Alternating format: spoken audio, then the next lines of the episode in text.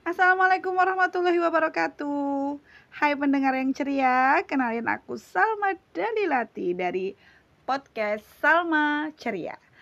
Yang episode sekarang aku cuma pengen kenalan sama kalian Siapa aku? Karena aku bakal nemenin kalian selama-lamanya. Ya, selama-lamanya. Gombal bu, gombal. Nah, aku adalah wanita berusia 38 tahun.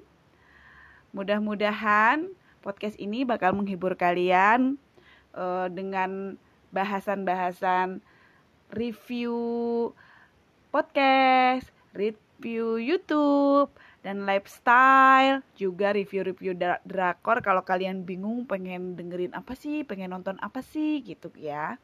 Nah, aku adalah ibu dengan banyak anak. Nanti aku ceritain ya di episode selanjutnya. Terus aku adalah ibu rumah tangga. Ibu rumah tangga yang punya pekerjaan sampingan. Nah, pekerjaan sampingannya juga bakal aku ceritain di berikutnya.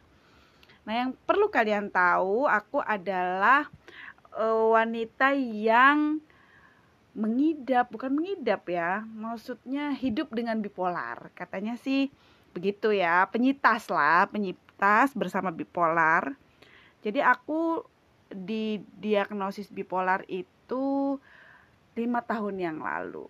Itu tergolong terlambat sih, karena sebetulnya katanya bipolar itu bisa diketahui di umur 17, 18 itu sudah mulai bisa diketahui, tapi karena mungkin ya karena kesadaran mental health kita di masyarakat itu sangat rendah sehingga aku mengetahuinya di saat aku sudah sangat drop, sudah nggak bisa ngapa-ngapain, lalu baru aku ke psikiater dan didiagnosis bipolar.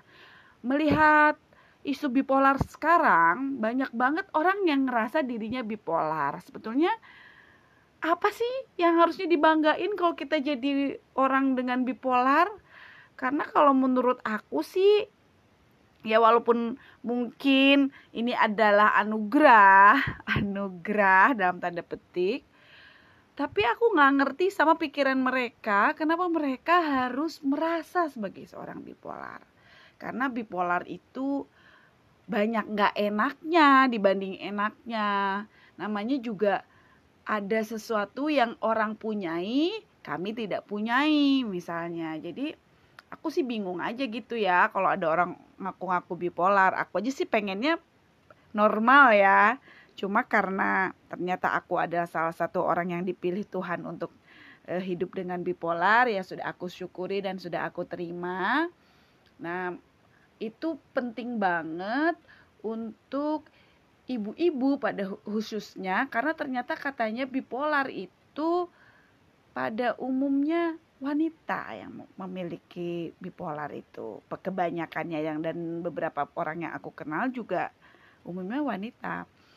Uh, kita nggak perlu gundah dan takut kalau kita ternyata dengan mental illness atau gangguan jiwa karena menurut aku uh, gangguan jiwa itu tidak membuat kita seharusnya down karena masalah yang ada di dunia ini ada obatnya, ada e, penyembuhnya. Walaupun penyembuh tadi masing-masing orang mempunyai pengalaman yang berbeda-beda. Nah, latar belakang aku mau alasan, bukan latar belakang. Alasan aku mau bikin podcast tuh karena bipolarku tadi, karena aku mempunyai dua kutub yang kadang pengen ngomong sendiri, bukan ngomong sendiri, pengen ngomong banyak atau lagi pas pengen diem. Nah, pas pada saat aku pengen ngomong banyak, aku tuh bingung mesti ngomong sama siapa karena bisa jadi orang jenuh mendengarkan aku karena tidak satu frekuensi atau uh, sulitlah menjelaskan diriku pada orang-orang uh, apa yang ada di dalam pikiranku. Nah, aku pikir jadi aku bikin podcast ini satu untuk diriku sendiri agar aku punya tempat untuk bercerita. Yang kedua, kali aja ada pendengar yang memiliki hal yang serupa sama aku, pingin ada temennya nah aku siap berbagi apa aja yang sudah aku alami uh, podcast ini sih sebetulnya aku tuh bingung juga ya pengen ngebahas apa. Kalau mau cuman ngebahas mental illness, aku bukan psikiater. Aku nggak ngerti juga penyakit penyakit penyakit penyakit ya. Salah salah salah.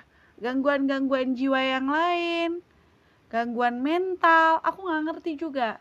Yang aku tahu hanyalah kondisi aku, bagaimana bagaimana mengatasi diriku. Nah, di akhir-akhir ini aku tuh sering banget nonton drama Korea seperti kalian-kalian banyak juga kali ya para pendengar yang nonton drama Korea sekarang. Aku tuh kadang-kadang juga bingung. Aku mesti nonton drama Korea apa ya yang rame, yang seru, yang aku nggak bakal bosen gitu. Nah, pada saat aku sudah nonton, kalau memang itu asyik, aku pengen banget nyeritain sama kalian agar kalian mungkin mempunyai referensi untuk uh, menonton satu judul drama gitu ya. Begitu juga podcast. Aku juga suka denger podcast karena orang bipolar itu uh, otaknya tuh lebih aktif. Jadi aku nggak bisa kalau kerja itu cuma satu kerjaan doang.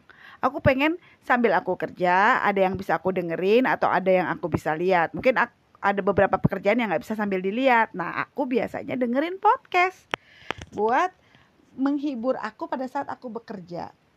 Uh, terus review YouTube. Nah, begitu juga YouTube. Ada beberapa channel YouTube yang aku uh, tonton untuk menghibur. Terus lifestyle. Nah, lifestyle aku juga mungkin tergolong unik ya. Nggak tahu deh, pokoknya karena entah karena uh, bipolarku aku jadi unik entah karena memang pola asuh yang bikin aku unik atau keadaan aku nggak ngerti juga. Jadi nanti aku ceritain pokoknya di berikut berikutnya ini kan perkenalan tapi perkenalannya panjang banget ya nggak apa-apa deh. Ah, nah pendengarku sekalian. Wih pendengarku sekalian padahal yang yang denger satu.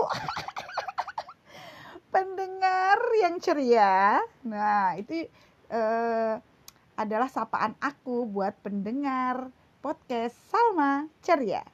Salam ceria, penggemar ceria. Terus aku kalau di dalam cerita-cerita hidupku itu banyak banget up and down-nya. Kalian perlu tahu bahwa bipolar itu memang ada sebagian kecil dari keturunan. Tapi kalau kita sudah punya bakat, tapi lingkungan kita tidak membuat kita seperti itu, itu juga bisa sosial lingkungan itu sangat mempengaruhi eh, apakah bipolar itu menjadi suatu apa ya menjadi aku juga bingung tuh ngejelasinnya ya. Jadi bakatnya udah ada nah muncul atau tidaknya itu tergantung kepada lingkungan dan sosial kita. Nah kemungkinan aku itu karena mungkin memang memang bakatnya sudah ada ditambah dengan eh, juga sosialnya lingkungannya membentuk aku sebagai orang dengan bipolar. Walaupun tadi baru aku sadari gitu. Hmm, bipolar itu yang aku rasain pertama aku ke psikiater itu gara-gara aku depresi depresi berat yang aku merasa tidak bisa menyelesaikan masalah lalu aku ke psikiater lalu psikiater mendiagnosis entah dengan macam-macam sih waktu itu gimana cara mendiagnosisnya ya selain pertanyaan kayak psik kayak psikotes bukan psikotes. Jadi kita disuruh jawab pertanyaan-pertanyaan umum aja lalu juga suruh menulis bagaimana mood kamu dalam satu minggu apa dua minggu gitu terus aku balik lagi ke dokter lalu dinyatakan bipolar. Nah tapi aku adalah bipolar tipe 2 ya nggak perlu minum obat selamanya gitu. Jadi ada masanya. Nah kalau bipolar tipe 1 katanya sih eh, seterusnya minum obatnya. Karena dia kalau jadi bipolar tuh punya dua kutub kutub depresi atau manik. Nah, kalau yang bipolar tipe 2 itu kutubnya dua juga, depresi dan hipomanik, tidak sampai manik begitu.